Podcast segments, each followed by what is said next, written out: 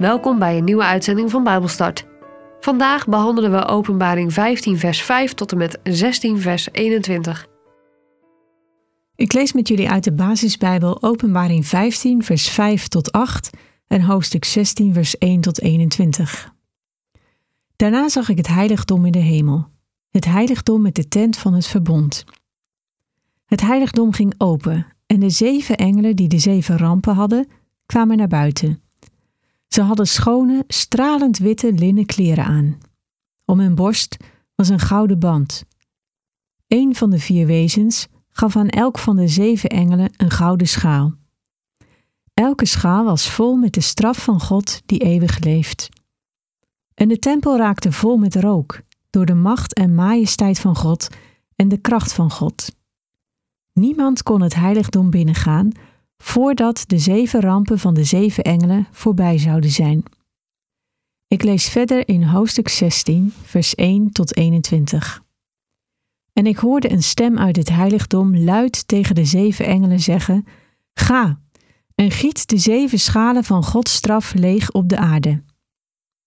De eerste engel goot zijn schaal leeg op de aarde. Toen kregen de mensen die het merkteken van het beest hadden en het beest aanbaden, vreselijke, pijnlijke puisten. De tweede engel goot zijn schaal leeg op de zee. Toen veranderde de zee in bloed als van een dode. Alles in de zee ging dood. De derde engel goot zijn schaal leeg op de rivieren en de waterbronnen. Toen veranderde al het water in bloed. Ik hoorde de engel van het water zeggen: U die is en die was en die zal zijn, bent rechtvaardig en heilig, omdat u deze straf heeft gegeven. Want de mensen zijn schuldig aan de dood van uw profeten. Ze hebben hun bloed vergoten. Daarom heeft u hun ook bloed te drinken gegeven. Ze hebben het verdiend. En vanuit het altaar hoorde ik een andere engel zeggen: Ja, Almachtige Heer God, u bent een rechtvaardig en eerlijk rechter. De vierde engel goot zijn schaal leeg op de zon. Toen werd de zon heel erg heet. De mensen leden vreselijk door de enorme hitte van de zon, en ze vervloekten God, die deze rampen liet komen. Maar ze stopten niet met de slechte dingen die ze deden. Ze wilden hem niet eren. De vijfde engel goot zijn schaal leeg op de troon van het beest. Toen werd het in zijn hele rijk donker. En de mensen beten hun tong stuk van pijn. En omdat ze zoveel pijn hadden en zulke vreselijke puisten hadden, vervloekten ze de God van de hemel. Maar ze stopten niet met de slechte dingen die ze deden. De zesde engel goot zijn schaal leeg op de grote rivier de Eufraat. Toen droogde het water van de rivier op. Daardoor konden de koningen uit het oosten zonder moeite het land binnenvallen. Toen zag ik uit de bek van de draak, uit de bek van het beest en uit de mond van de leugenprofeet drie duivelse geesten komen. Ze leken op kikkers. Ze doen wonderen en gaan naar alle koningen op aarde. Ze roepen hen bij elkaar voor de strijd op de grote dag van de Almachtige God. Jezus zei: Let op, ik kom zo onverwachts als een dief. En het zal heerlijk voor de mensen zijn die opgelet hebben en goed voor hun kleren hebben gezorgd. Want zij zullen niet zonder kleren hoeven te lopen en zullen niet naakt gezien worden. En de drie duivelse geesten brachten de koningen en hun legers bij elkaar op de plek die in het Hebreeuws Armageddon wordt genoemd. De zevende engel goot zijn schaal leeg in de lucht. Toen riep een stem luid vanuit het heiligdom in de hemel, vanuit de troon: Het is voorbij. Het begon te bliksemen, te rommelen en te donderen. Er was een zware aardbeving. Zo'n zware aardbeving was er nog nooit geweest sinds er mensen op de aarde wonen. De grote stad Babylon viel in drie stukken uit elkaar. De steden van de volken stortten in, want God was niet vergeten wat het grote Babylon had gedaan. Nu gaf hij Babylon de straf die ze verdiende. En de eilanden vluchtten weg, en de bergen waren er niet meer. Grote hagelstenen van wel één talent zwaar vielen uit de hemel op de mensen. En de mensen vervloekten God vanwege de hagel, want het was een verschrikkelijke ramp.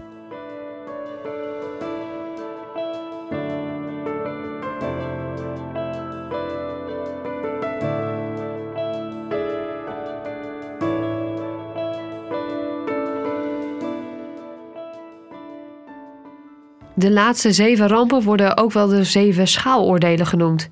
Ze beginnen eigenlijk in hoofdstuk 16, maar vanaf vers 5 van hoofdstuk 15 worden ze al ingeluid. En daarom pakken wij hoofdstuk 15 vanaf vers 5 erbij tot en met het einde van hoofdstuk 16. In tegenstelling tot de voorgaande oordelen zijn deze universeel en treffen ze de hele wereld. En deze rampen zullen uiteindelijk uitlopen op de verwoesting van het kwaad, en dus lopen ze uit op het einde van de wereld. Johannes ziet het heiligdom in de hemel, het heiligdom met de tent van het verbond. Het heiligdom ging open en de zeven engelen die de zeven rampen hadden kwamen naar buiten. Het heilige der heiligen was de binnenkamer van de tempel. In Hebreeën 9, vers 1 tot en met 17 wordt deze tempel verder uitgewerkt. Hier stond ook de ark van het verbond. En die ark was het symbool van Gods aanwezigheid bij zijn volk. Deze ruimte werd door een zwaar gordijn afgesloten. Alleen de hoge priester mocht één keer per jaar op de grote verzoendag binnenkomen. Het is één keer eerder dat het heilige der heiligen open is gegaan. En dat was op het moment dat Jezus stierf. Toen scheurde het gordijn van boven naar beneden open. Dit lezen we in Matthäus 27, vers 50 tot en met 53. En ook deze toegang tot het heilige der heiligen staat symbool voor de vrije toegang naar de aanwezigheid van God zelf. Dankzij het bloed van Jezus hebben wij toegang tot God. Als wij met Jezus verenigd zijn, kunnen wij vrij naar God toe. Jezus is zonder zonde en is onze hoge priester. Tegelijkertijd is hij ook het volmaakte offerlam en daardoor is de toegang tot God vrij. De engelen die uit de tempel komen, zijn in het wit gekleed en dragen een gouden gordel om hun borst. Hun kleding lijkt op die van de kleding van een hoge priester. Het laat zien dat ze vrij van zonde zijn. En de rook die de tempel vult, is de manier waarop Gods heerlijkheid, maar ook zijn toorn zal blijken. Aan dit oordeel is geen ontsnappen mogelijk. Ons eeuwige leven met Jezus zal pas beginnen als het kwaad volledig vernietigd is. En daarvoor zullen dus nog de laatste schaaloordelen moeten gebeuren. Daarover lezen we in hoofdstuk 16. De schaaloordelen zijn Gods laatste en volledige oordelen op de aarde. Het einde is dichtbij. Er is een begin van het eind. Er zijn zoveel overeenkomsten tussen de schaaloordelen en de trompetoordelen, maar er zijn drie belangrijke verschillen. Allereerst, deze oordelen zijn compleet, volledig. De trompetoordelen waren maar gedeeltelijk.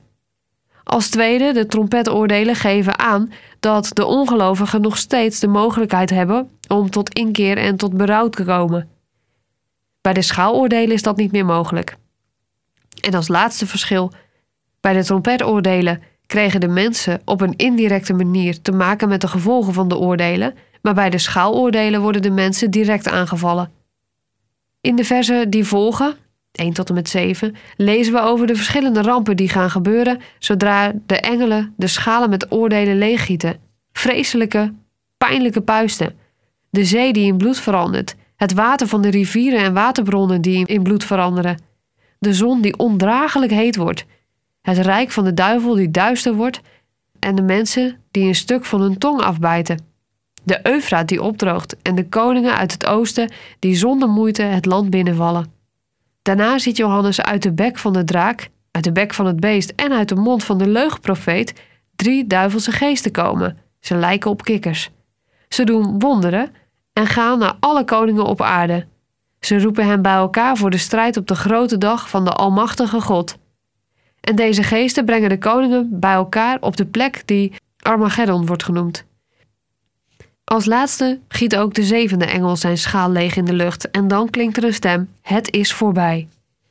De woorden uit vers 7 kunnen ook vertaald worden als: Ik hoorde het altaar roepen. Alles en iedereen zal God prijzen en zijn volmaakte rechtvaardigheid erkennen. De mensen die deze rampen ondergaan, wisten dat dit oordeel van God was. Dat lezen we uit het feit dat ze meerdere keren God vervloeken omdat God die rampen toegestuurd heeft. Maar ondanks dat willen ze liever lijden dan dat ze erkennen dat God schepper van hemel en aarde is, dat Hij almachtig is. Hun harten zijn zo verhard geraakt in de voorgaande tijd. Ze wilden niets met Hem te maken hebben. En dus willen ze nu ook niet naar Zijn wil leven. Ken jij mensen van wie hun hart verhard is? Herken je het misschien bij jezelf dat je eigenlijk er niets meer van wil weten. Maar dat je nog wel het idee hebt van hé, hey, er trekt mij iets waardoor ik deze studies ben blijven luisteren. Maar eigenlijk geloof je het niet. Of denk je dat je niet bij de kinderen van God hoort. Bid dan tot God dat Hij jouw hart wil openen voor Zijn geest, Zijn waarheid en Zijn liefde. En als jij iemand in je omgeving kent waarbij je dit herkent, bid dan voor zijn of haar hart. Heer, maak het zacht. Kom weer binnen. De rivier de Eufraat vormde de natuurlijke grens tussen Israël en in het oosten gelegen Babylon, Assyrië en Perzië. Als die rivier opdroogde, konden de landen makkelijk Israël binnenvallen. En zo konden ze door de rivierbedding heen en gewoon aanvallen. Deze legers kunnen niet tegengehouden worden. Deze legers hier zijn symbool voor het onvermijdelijke oordeel dat zich nu gaat afspelen. Het onheilige drietal, waar we het een aantal studies geleden al over gehad hebben, komt hier ook weer ten tonele. En vanuit de bekken en de mond van deze drie monsters komen drie duivelse geesten. Het zijn drie slechte leiders. Ze zullen de mensen op aarde misleiden en niemand komt er tegen in opstand. Zoals ik in de eerste studie ook al zei, we weten niet precies wanneer Jezus terugkomt. Jezus zegt in Matthäus: Niemand weet de precieze tijd, zelfs de zoon en zelfs de engelen niet. En eigenlijk herhaalt Jezus dat hier weer. Hij komt zo onverwachts als een dief in de nacht. En ik denk dat we echt voorzichtig moeten zijn met beweren dat we weten wanneer Jezus terugkomt. Natuurlijk kunnen we vermoedens hebben, maar vermoedens zijn nog geen feiten. En tegelijkertijd moeten we de dingen die in de laatste tijd gebeuren echt niet bagatelliseren. Er is dus een hele dunne scheidslijn tussen vermoedens uitspreken die overkomen als feiten en twijfels uitspreken die direct overkomen als wegwuiven. Het is ontzettend lastig. Maar één ding is zeker. Jezus zegt tot onszelf, eerst bij monden van Matthäus bijvoorbeeld, maar nu ook via Johannes. Jezus zegt hier in vers 15: Let op, ik kom zo onverwachts als een dief in de nacht. We weten dus niet precies wanneer hij komt, maar dat hij komt staat vast. En daarom moeten we zorgen dat we klaar zijn op de dag dat hij terugkomt. Laten we ons klaarmaken en de tijd niet uit het oog verliezen door bijvoorbeeld alleen maar bezig te zijn met het moment dat het gaat gebeuren. Nee, we moeten zorgen dat we klaar zijn voor als het gebeurt. Maar hoe doen we dat? Nou, door ons voor te bereiden om midden in de verleiding en midden in de vervolging stand te houden. Houd je aan de wil van God. Hij weet wat goed voor ons is. Hij heeft zijn wetten niet bedacht om ons te pesten, maar om ons houvast te geven. En daarnaast merk ik dat ik heel veel steun ervaar aan een groep mensen waar ik altijd bij terecht kan en om gebed kan vragen. Weten dat er mensen zijn die altijd voor me bidden, waar ik mijn diepste dingen mee kan delen. Die kunnen bidden als ik geestelijke strijd ervaar, die voor me bidden als ik verleidingen moet weerstaan, noem het maar op. Dan heb ik een groepje mensen om me heen die voor me bidden en aan God om kracht vragen om door alle dingen heen te komen. Echt, als je struggelt, vraag mensen om je heen die voor je willen bidden. God zorgt voor zijn kinderen. En ook wij, zijn kinderen, zullen last hebben van verleiding en vervolging. Maar door Gods kracht zullen we staande blijven. Armageddon is een slagveld dat dicht bij de stad Megiddo lag. Vandaag de dag zou het ten zuidoosten van de haven Haifa zijn. De stad bewaakte een groot deel van Noord-Israël. Vandaag de dag vormt het samen met Jeruzalem en Tel Aviv de top drie van de grootste steden. En het was een hele strategische plek. Het ligt op een soort punt waardoor het aan ruim 50% omgeven is met water. Het lag aan een belangrijke internationale weg die vanaf Noord-Egypte via de kust van Israël naar Babylon gaat. En vanuit Megiddo was een groot gedeelte van Israël te overzien. Naar het zuiden kon je kijken naar Galilea en in het westen geeft het zicht op de berg Gilboa. De zondige mensen zullen tegen God samenspannen en vechten als laatste uiting van hun opstandigheid. Al zoveel mensen hebben zich tegen Jezus en zijn volk verzet. Jezus en zijn volk staan voor waarheid, vrede, gerechtigheid en een goed moraal. Maar hier gaan deze mensen dwars tegenin. Iedereen kent wel een persoonlijke strijd tegen het kwaad. En wat jij meemaakt in je leven is een soort van een tipje van de sluier. Hoe fijn is het om te weten dat God het kwaad voor goed zal vernietigen. Anders zou je soms moedeloos worden van de strijd die jij moet strijden. Maar houd moed. In de vorige uitzending hebben we Babylon ook al eens behandeld. Babylon was een immoreel keizerrijk en het was een verdorven stad. Het centrum van de afgodendienst en de afgodenverering. Babylon plunderde Jeruzalem en voerde het koninkrijk van Juda weg. Dat lees je in 2 Koningen 24 en 2 Kronieken 36. Babylon was de grootste vijand van de Joden. En het Romeinse Rijk was de grootste vijand van de eerste christenen. En Babylon staat hier dus niet alleen voor Rome, die de christenen verdrukken, maar Babylon staat hier voor alle vijanden van God in het verleden, het heden en de toekomst. In de vorige uitzending zei ik ook al, ik moet zo denken aan het prachtige lied van uh, Martijn Buwalda. Die zingt namelijk over Babylon. Die stad die er prachtig uitziet, verleidelijk mooi. En ze fluistert in je oren precies wat je wil horen. En de wegen daar gaan daar waar jij heen wil, zolang zij mogen zeggen waar je gaat. En uiteindelijk zul je merken, je bent daar van je eigen vrijheid slaaf. De stad die iedereen verleidt om verkeerde dingen te doen, die je slaaf maakt van jezelf.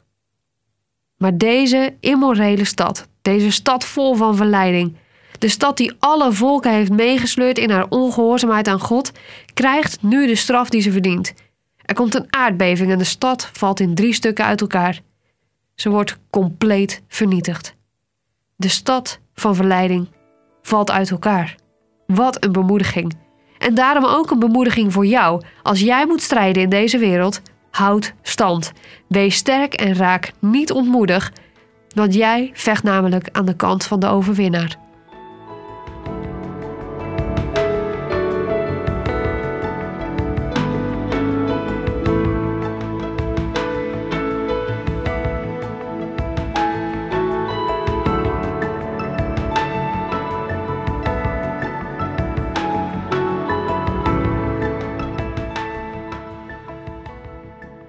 Dit was Bijbelstart, een programma van TWR. Het is gebaseerd op het Amerikaanse programma Through the Bible, ook wel TTB genoemd. En deze uitzending is een samenvatting van twee afleveringen. Wil je meer weten? Ga dan naar ttb.org of ga naar twr.nl/bijbelstart.